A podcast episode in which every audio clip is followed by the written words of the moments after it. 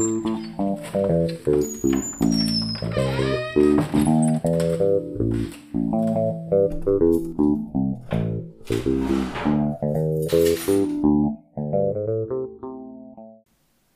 to jest podcast z wnętrza. Nazywam się Anna Bartman i jestem architektką wnętrz. Dziś odcinek 20. Sztuczki wnętrzarskie. Jest to odcinek, którego tytuł bardziej chciałabym, żeby wywodził się ze sztuki niż yy, ze sztuczności. I te sztuczki tak naprawdę nie są czymś, co opisuje Wikipedia, czyli nie są jakimś sposobem na zmanipulowanie osoby, która nie rozumie pewnych rzeczy i zostanie w jakiś sposób oszukana czy mm, pokierowana i zmanipulowana. Tylko bardziej myślę o tym, że to są takie rozwiązania, które chciałabym, żeby były szerzej rozumiane i brane pod uwagę. Bardzo zależy mi na tym, żeby design i sztuka były czymś, co jest dla każdego i żeby ta dostępność i rozumienie była właśnie szersza i była bardziej, łatwiej osiągalna. Są takie rozwiązania, które sprawiają, że wnętrza są po prostu lepsze. Są bardziej ekskluzywne, bardziej funkcjonalne, bardziej ekonomiczne, oraz na przykład bardziej ekstrawaganckie. Zazwyczaj to są takie potrzeby, które chcemy, żeby te wnętrza spełniły. Chcemy, żeby coś wyglądało lepiej, żeby było bardziej wygodne, żeby było w miarę tanie i żeby było jakieś, żeby było mm, inne niż e, spodziewamy się tego na początku, żeby pojawiło się coś ciekawego. Są pewne rozwiązania, które mm, tak naprawdę na studiach artystycznych, czy mm, w przypadku jakiejś e, lekcji rysunku, lekcji fotografii, kompozycji, są czymś podstawowym. Natomiast zebrane wszystkie razem sprawiają, że mamy tak naprawdę wachlarz rozwiązań i myślę, że warto wiedzieć o nich też ze względu na to, żeby troszkę bardziej rozumieć projekt, żeby wiedzieć, że pewne sposoby działania wywołają konkretny efekt i że warto w to pójść. Oprócz funkcjonalności i tego, że we wnętrzu powinny zmieścić się wszystkie potrzebne dla nas e, elementy, oprócz odpowiednich proporcji, przejść i mm, właśnie takiej ergonomii użytkowania, e, warto jest zwrócić uwagę na to, żeby przestrzeń, która mm, pozostaje nam po zagospodarowaniu jej meblami, była jak najbardziej kwadratowa. To jest takie moje mm, spostrzeżenie, które przez lata działania jako architektka zauważyłam Mianowicie człowiek najlepiej czuje się w przestrzeni bardziej kwadratowej. Nie przepadamy za takimi wydłużonymi pomieszczeniami, pociągami, za czymś, co jest zbyt małe, a wysokie, jak winda na przykład. E, chociaż windy są dosyć niskie, ale e, tutaj mam na myśli na przykład e, WC, które jest małym gabarytowo pomieszczeniem, ale dość wysokim. Wszelkie jakieś zaburzone proporcje nie do końca nam odpowiadają. Ogólnie poszukujemy środka i czegoś, co będzie bardziej przewidywalne, jeśli chodzi właśnie o proporcje. Te zaburzone proporcje, one mogą być ciekawe. Możemy mieć olbrzymią, wysoką ścianę, która ma jedne małe, niskie drzwi, e, przez które wchodzimy, i to może być naprawdę ekscytujące. Natomiast warto tego używać właśnie z determinacją taką, że chcemy stworzyć wnętrze czy też budynek, który będzie ciekawy, będzie mm, właśnie nas zaciekawiał, będzie sprawiał, że mm, ta podróż, e, którą odbywamy, będzie w jakiś sposób niebanalna. Natomiast w codziennej użyteczności, we własnych wnętrzach, chcemy raczej przebywać w czymś, co jest bardziej przewidywalne i bardziej, no może nie normalne, ale stonowane, spokojne, również w tych proporcjach. Dlatego warto też pomyśleć o tym, że wnętrze, które jest puste, ono nie do końca zostanie takie. W momencie, kiedy wprowadzimy tam meble, te meble zdeterminują nam właśnie kształt przestrzeni, która pozostanie. Dlatego czasem działania projektowe są takie, że gdzieś pewną ścianę skracamy. Lustro na przykład nie zawsze powinno pojawić się na krótszej ścianie, ponieważ wydłuży nam pomieszczenie jeszcze bardziej. Będziemy mieć takie wrażenie pociągu, który gdzieś tam się ciągnie i ciągnie i nie wiadomo gdzie się kończy. Są takie zastosowania lustra, że możemy na przykład stworzyć przestrzeń bardzo dziwną, bardzo poszatkowaną w momencie, kiedy ustawimy lustro naprzeciwko drugiego lustra. Oczywiście nie ma przeciwwskazań, żeby coś takiego zrobić, ale też dobrze jest wiedzieć, co to spowoduje. Będzie trochę dziwnie, będzie trochę niepokojąco na pewno i ten spokój będzie bardziej zaburzony. To, co lubię we wnętrzach, kiedy się pojawia, to są rytmy.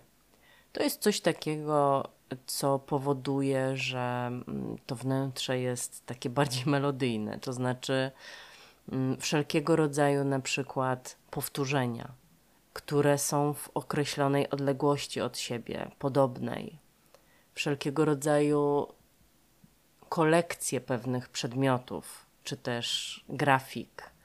Trzeba wiedzieć o tym, że mm, obraz, który jest pojedynczy, będzie działał zupełnie inaczej niż na przykład trzy obrazy powieszone obok siebie. Będą też inaczej działały, jeżeli będą w, równej, w równych odstępach, bardzo uporządkowane, inaczej, jeżeli będą rozsypane jak mozaika. Aby stworzyć ekskluzywne wnętrze, warto jest używać właśnie dodatków, które są większych gabarytów, które są z powtórzeniami, które są w jakiś sposób bardziej konkretne. Nie są to drobne przedmioty, ich ilość nie jest zbyt duża, tylko to są konkretne, wybrane, bardzo jakby przemyślane rzeczy.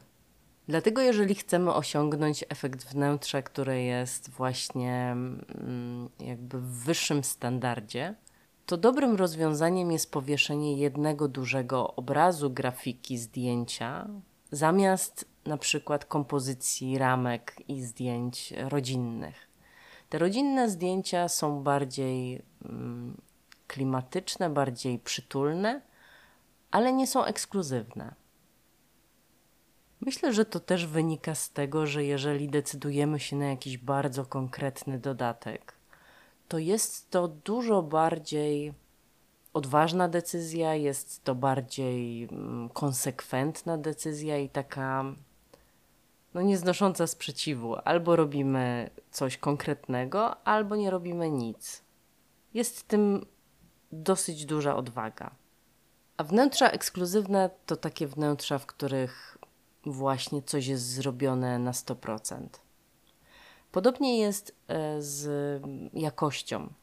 Tutaj jest bardzo ważne, żeby postawić właśnie na jakość. I nie chodzi mi o to, że wszystko musi być mm, z najwyższej półki. Rzadko kiedy tak się dzieje, że możemy sobie pozwolić na wszystko z najwyższej półki. Natomiast bardziej chodzi o to, żeby rzeczy, których dotykamy, doświadczamy w większej bliskości, były lepsze, były z lepszych materiałów, były milsze w dotyku, były też mm, bardziej dopracowane.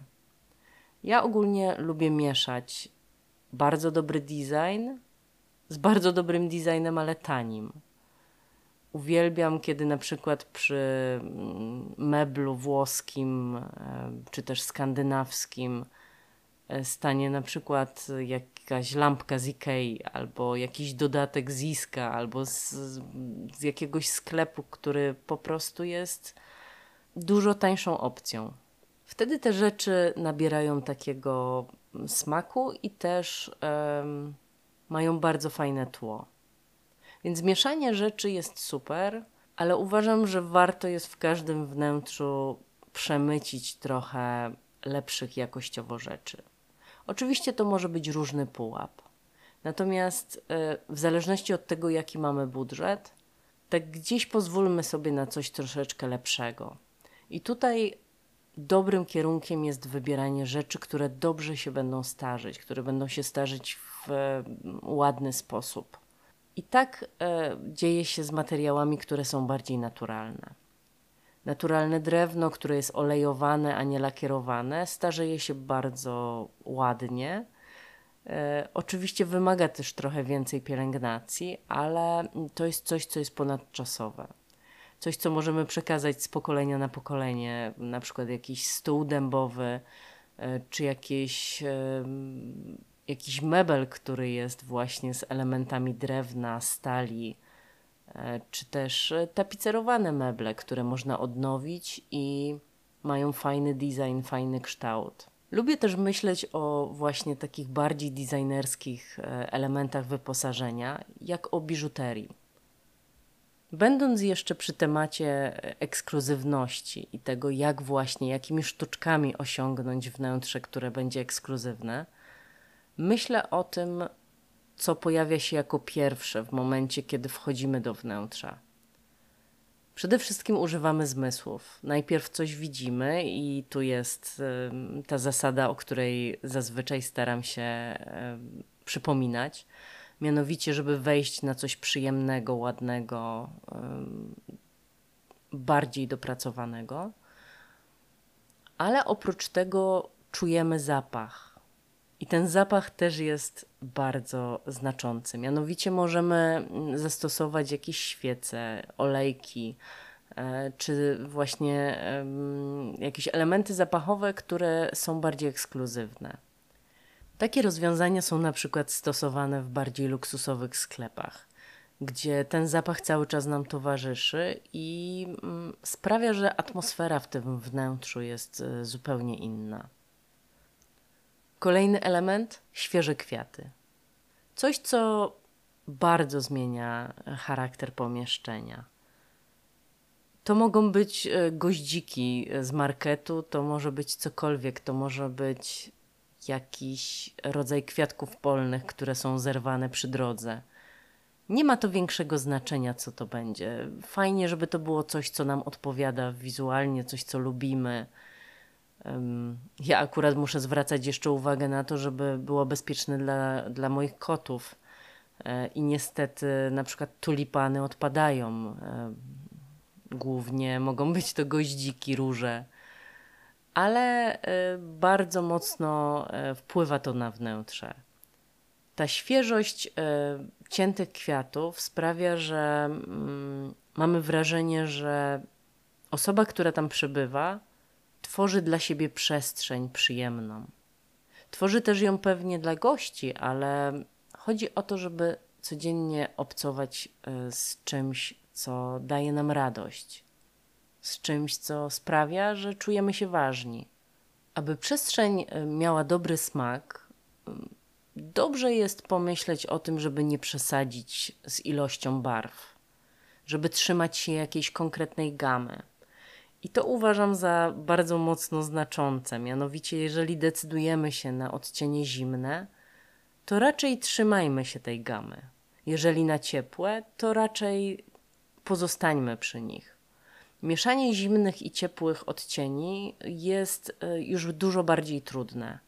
Oczywiście jest możliwe w momencie, kiedy przejdziemy w jakiś łagodny sposób lub wręcz w kontrastowy, ale e, jest to trochę bardziej skomplikowane. Wymaga prób, błędów i kombinowania. Jeżeli nie mamy na to czasu, nie chcemy się tym zajmować, to dobrze jest trzymać się jakiejś gamy. Jeżeli chodzi o biel, to to jest bardzo ważne, aby ta biel była albo bardziej złamana i w kierunku takiego ekri, albo była totalnie czysta. I wtedy faktycznie całą, e, całą ceramikę, ściany, wszelkiego rodzaju tkaniny raczej utrzymujemy w tej tonacji. Bardzo fajnym rozwiązaniem jest też grupowanie przedmiotów kolorystycznie. Takie działanie sprawia, że we wnętrzu jest dużo bardziej czysto, jest ono uporządkowane i też sprawia właśnie wrażenie bardziej ekskluzywnego. Pewnie kojarzy nam się to bardziej ze sklepami i z, z tym, jak przedstawione są na przykład ubrania na półkach czy też na wieszakach. One zazwyczaj są kolorystycznie fajnie zestawione. Dlaczego nie mielibyśmy tego zrobić w swoich szafach? Dzięki temu też będziemy czuli, że ta przestrzeń jest dla nas i że jesteśmy właśnie w czymś, co nam pomaga, co, co dodaje nam codziennie jakiegoś takiego entuzjazmu do działania. Bardzo też lubię takie ułatwiacze, umilacze, tak bym to nazwała, czyli mm, myślenie o gościach. Podstawową rzeczą we wnętrzach e, mm, użyteczności publicznej, jeżeli chodzi o łazienki, to jest haczyk na drzwiach. Jeżeli go brakuje, e, to na pewno gdzieś tam czujemy frustrację, że nie ma gdzie odwiesić torebki, y, że no musimy ją położyć na podłodze w toalecie miejskiej czy jakiejś, na jakiejś stacji benzynowej. Nie jest to zbyt przyjemne. Są też takie rozwiązania, które w naszych prywatnych wnętrzach mogą sprawić, że osoby, które tam przyjdą w gościnie, będą e, czuły tą ekskluzywność. I to są takie rzeczy, gdzie pokazujemy, że myślimy o tej drugiej osobie. To są na przykład pantofle dla gości, które są przygotowane. Wiemy, że ta osoba przyjdzie i, i, gdzieś tam czekają na, na te osoby. To jest pozostawiony wieszak, aby mogły odwiesić ubranie, czy pozostawiona jakaś przestrzeń na to, żeby odstawić buty. Ale ja też lubię bardziej takie higieniczne tematy, mianowicie kiedy na przykład w łazience mamy dostęp do jakichś środków higienicznych typu podpaski czy jakieś e, płatki kosmetyczne, jeżeli ktoś zostaje na noc. To są takie rzeczy, które sprawiają, że ktoś czuje się bardzo zaopiekowany. Zauważyłam też, że w użyteczności publicznej, na przykład właśnie w gabinetach lekarskich, coraz częściej pojawiają się takie rozwiązania, że mm, ten pacjent jest bardziej właśnie brany pod uwagę. Oczywiście głównie w prywatnych e, gabinetach, ale to jest bardzo ważne i można to oczywiście ładnie ugrać, można to dobrze mm, pokazać, zakomponować, ale to jest mniej ważne. Ważniejsze jest to, że ten człowiek został zauważony i jego potrzeby są brane pod uwagę. Z takiej projektowej perspektywy mm, te ekskluzywne klimaty powstają też w sposób taki nienachalny. To znaczy, na przykład, oświetlenie jest bardziej ukryte. Ono wyłania się za jakiejś wnęki, ono nie krzyczy: Halo, tu jestem, tylko w jakiś delikatny sposób podkreśla to, co jest piękne, czy co jest ważne, co jest funkcjonalne, co jest potrzebne. I co za tym idzie, takie wnętrze najlepiej, jeżeli jest zrobione na wymiar. Oczywiście nie wszystko musi być na wymiar, ale jednak przeważająca ilość elementów to elementy, które są bardzo mocno dopasowane. Ja czasami sobie żartuję, bo no widzę na przykład firmy, które robią meble na wymiar. Natomiast ich reklama, na przykład na samochodzie czy mm, jakiś baner, e, przedstawia meble, które nie są na wymiar. To znaczy, są na jakiś wymiar, który się założy, ale nie są na wymiar ściany, na przykład, nie są na wymiar sufitu. Mm, no wtedy to dla mnie nie są meble na wymiar.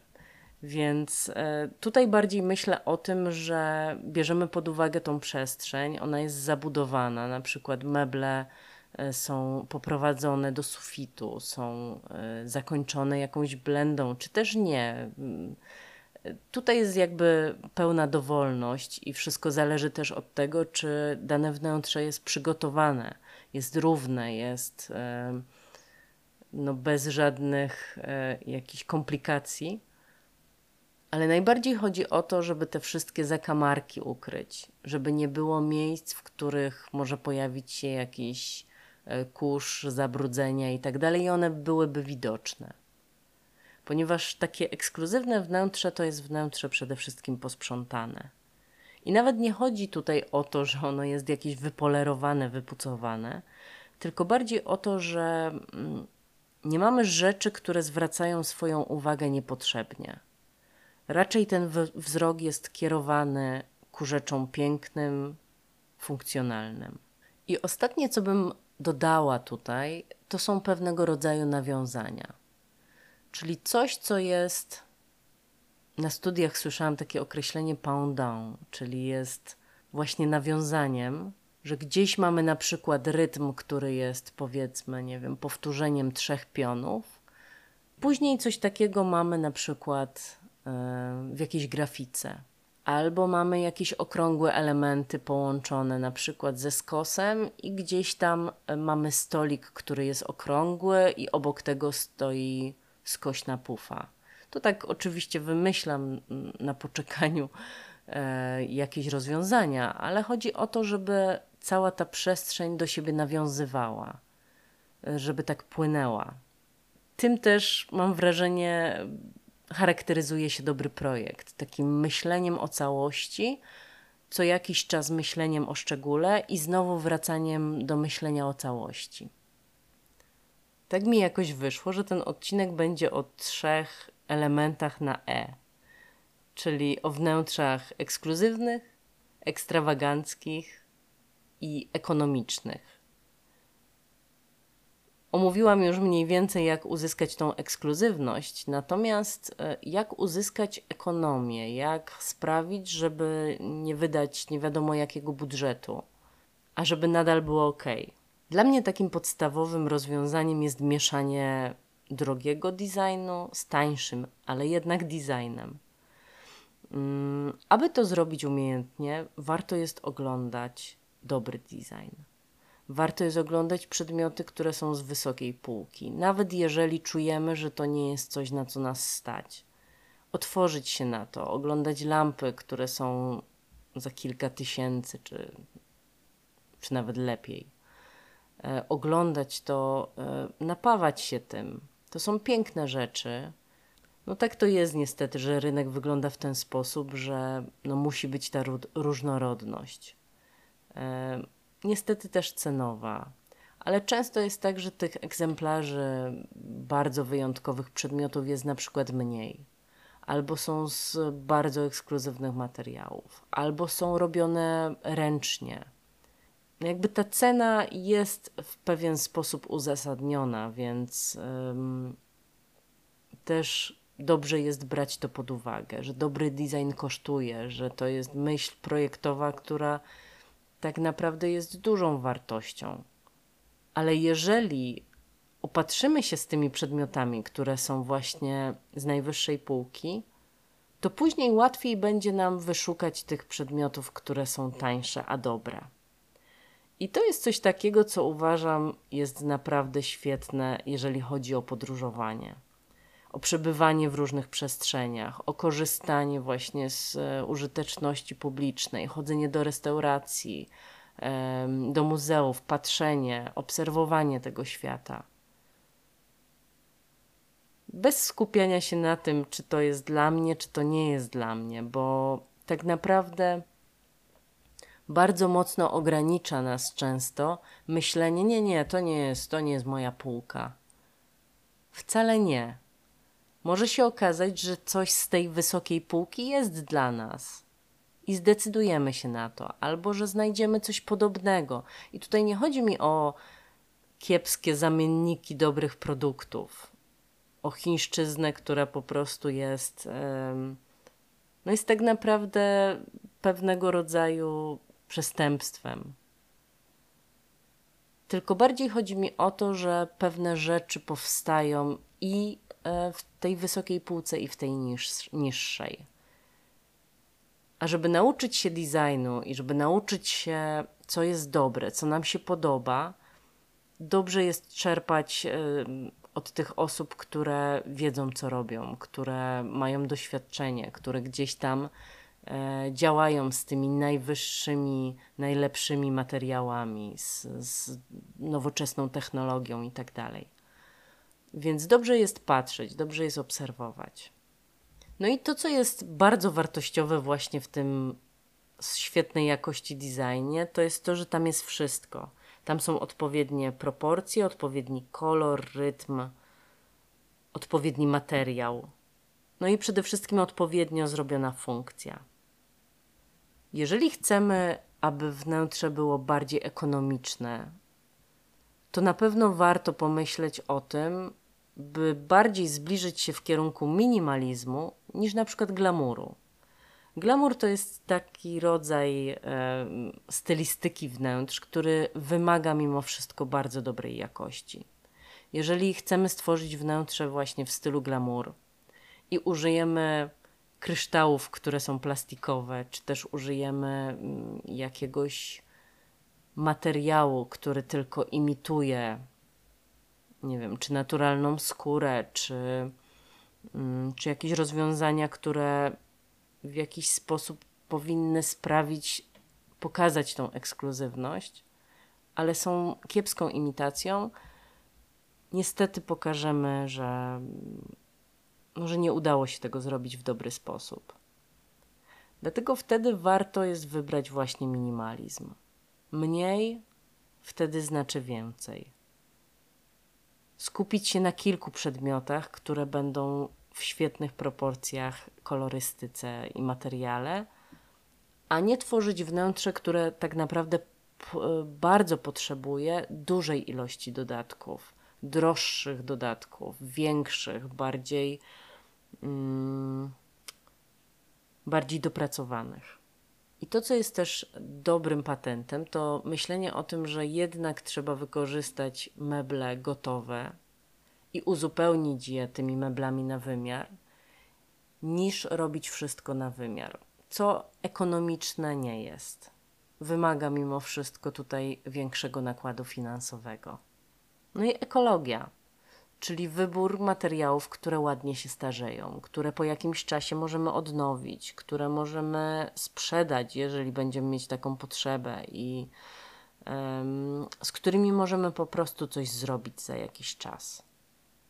A trzecia opcja wnętrzarska to są wnętrza, które są ekstrawaganckie, w jakiś sposób bardziej ekscytujące. Ja bardzo lubię myśleć o takich wnętrzach, ponieważ są to mniej banalne rozwiązania i trochę bardziej odważne. Między innymi dobrym patentem jest zaburzenie proporcji. W momencie, kiedy już mamy ustawione wnętrze, które jest w dobrych proporcjach, które jest poprawione i kolorystycznie, i materiałowo jest dobrze ograne, i wszystko tam się zgadza, to możemy troszeczkę sobie pożartować i dodać elementy, które są na przykład za duże albo za małe. I tutaj fajnym przykładem są lampy, których pojawia się bardzo dużo na rynku w tym momencie, które są właśnie albo przesadzone, albo e, naprawdę maleńkie, gdzie średnica lampki to jest kilka centymetrów. Powieszenie takiej lampki nad stolikiem jednego czy dwóch punkcików może sprawić, że, że ta przestrzeń będzie troszeczkę bardziej intrygująca. Ja też na przykład wybrałam kiedyś lampy, które miały olbrzymie klosze. Akurat to było we wnętrzu, które mm, miało dwie kondygnacje, tak naprawdę było wysokie na dwie kondygnacje. Był to salon z otwartą przestrzenią właśnie e, drugiego poziomu. I tam użyłam lamp, które miały średnicę około 80 cm, wysokość chyba była około 60 czy, czy też 80, no dosyć duże tuby. I naturalnym, e, naturalną reakcją moich klientów była reakcja, że one są za duże, że przyszły za duże, że wydają się po prostu kolosalne i tak dalej. Ale dzięki temu to wnętrze nabrało jakiegoś charakteru. Sprawiło to też, że było to bardziej takie baśniowe. Że te lampy, które były nadwieszone właśnie pod sufitem, sprawiały wrażenie jakichś elementów bardziej przypominających chmury, czy jakieś, jakieś elementy, które są tam w jakiś bardziej niebanalny sposób, nie wiadomo dlaczego trochę. Lubię takie rozwiązania, gdzie na przykład mamy coś, co jest za wąskie, za szerokie, coś, co w jakiś sposób intryguje, ale też troszeczkę kuje, troszeczkę męczy, ale też sprawia wrażenie, że to jest naprawdę jakieś. Mam wrażenie, że sztuka jest też taka, że ona powinna w jakiś sposób wywoły, wywoływać w nas emocje, że to jest jakby główny aspekt, który sztuka ma na celu. A emocje wywołuje przede wszystkim coś, co jest nieprzewidywalne. Uwielbiam też projektowanie w takim jednym na przykład kolorze, gdzie pewne elementy wychodzą z tego koloru. Gdzie mamy na przykład ścianę, na tej ścianie jest obraz, który jest dokładnie w tych kolorach, w których jest ściana. Gdzie mamy jakieś elementy, które na przykład są postawione na stoliku, a z tyłu jest zdjęcie z tymi elementami, albo nawet zdjęcie tego samego wnętrza, tylko w innym momencie, z innym oświetleniem. Bardzo fajne rzeczy. E, przykładem takiego wnętrza jest dla mnie na przykład drukarnia, mm, knajpa w Krakowie, która znajduje się na Podgórzu i tam mamy zdjęcia. E, to są akty, które są zrobione właśnie w tym wnętrzu. Bardzo fajne rozwiązanie, bardzo fajny pomysł. E, czyli coś, co jest bardziej indywidualne, bardziej odważne, bardziej właśnie nieprzewidywalne. Takim materiałem, który może nam e, tutaj fajnie zadziałać, są na przykład bardzo nowoczesne, graficzne fototapety. One zmieniają przestrzeń bardzo.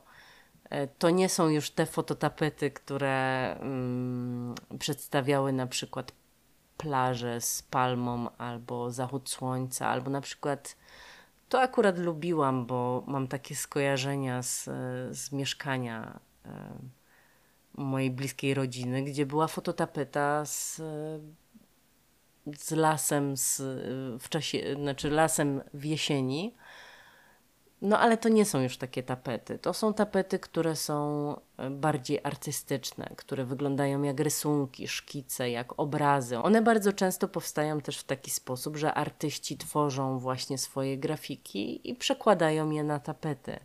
Te tapety często mają swoją strukturę, mięsistość mamy ochotę je dotknąć. To jest dodatkowy aspekt, który tutaj sprawia, że pojawia się coś innego, coś ciekawego. Jeszcze jedna rzecz, taka jak geometria. Coś, co na przykład jest światłem, które wpada przez okno, jest bardzo mocne, bardzo ostrą linią jest.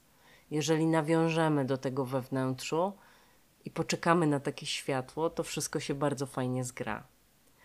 Jeżeli chcemy osiągnąć wnętrze ekskluzywne, to na pewno dobrze jest wszystkiego do końca nie zaprojektować przeciwieństwie do wnętrza, które ma być bardziej ekonomiczne. Tam projekt jest kluczowy, tam bardzo ważne jest, żeby zrobić to wszystko wcześniej, żeby przeanalizować budżet, żeby się zastanowić, co w jakiś sposób zmodyfikować, żeby wszystko się spinało.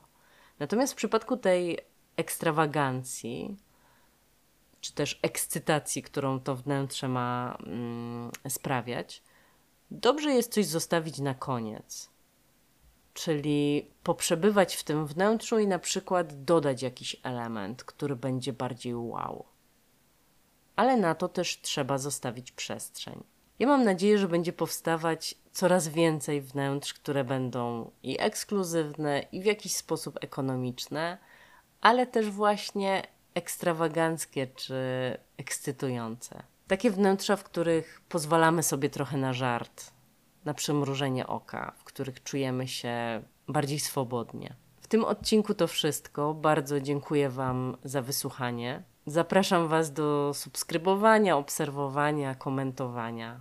Będzie mi bardzo miło i też chętnie porozmawiam z Wami. Tymczasem bardzo Wam dziękuję jeszcze raz. Trzymajcie się. Cześć.